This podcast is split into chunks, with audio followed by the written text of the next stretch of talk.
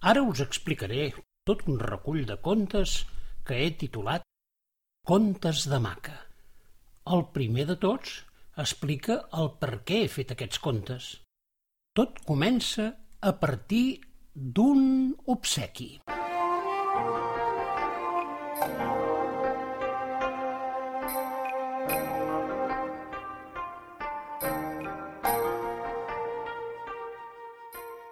L'obsequi.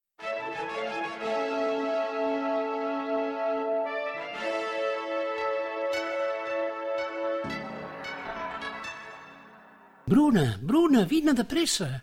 Mira que he trobat penjat entre aquests dos arbres. Què és això? Ves a saber. A tu què et sembla que és? Em sembla una barca. Però i l'aigua?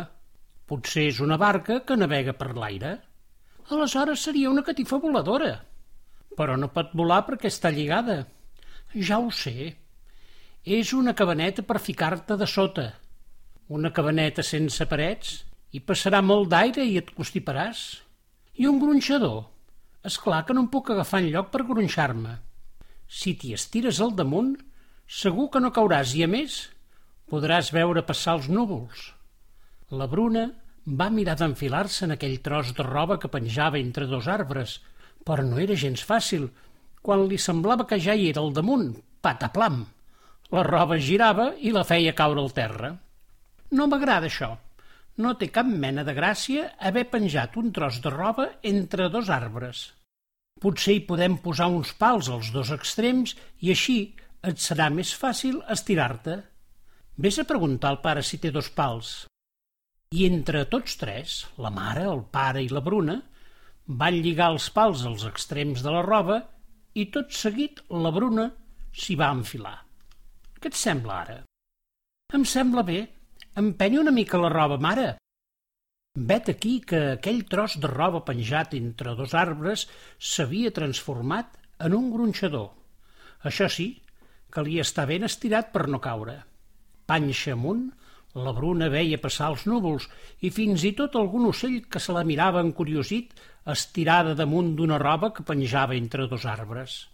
Mare, vols estirar-te tu també? I el pare? No, el pare no, que es podria trencar. No pateixis, les cordes són prou fortes i els nusos que lliguen la roba als arbres són de mariner i poc que s'han d'afluixar. I ja els teniu tots tres panxa en l'aire estirats damunt d'aquell tros de roba lligada amb nusos mariners a dos arbres. Això deu tenir un nom, oi, pare? Sí, se'n diu hamaca. No t'has errat gaire quan has dit que et semblava una barca.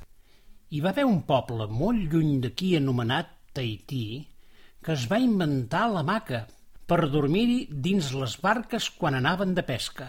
Dins les barques, ja m'ho imagino, s'estarien gronxant tota l'estona amb el vaivé de les onades. Que divertit! Com tu, quan eres més petita, que no t'adormies si no et gronxàvem una bona estona. Fins i tot calia posar-te dins el cotxe per anar a voltar perquè t'adormissis. I és clar, el cotxe era la barca i la meva cadireta, la maca. Ben pensat. Però ara ja ets gran i et cal una maca més gran. Per això hem fet aquesta, perquè quan vulguis t'hi estiris i tot mirant els núvols que passen et puguis adormir. I si no m'adormo, m'expliqueu un conte mentre em gronxa la maca?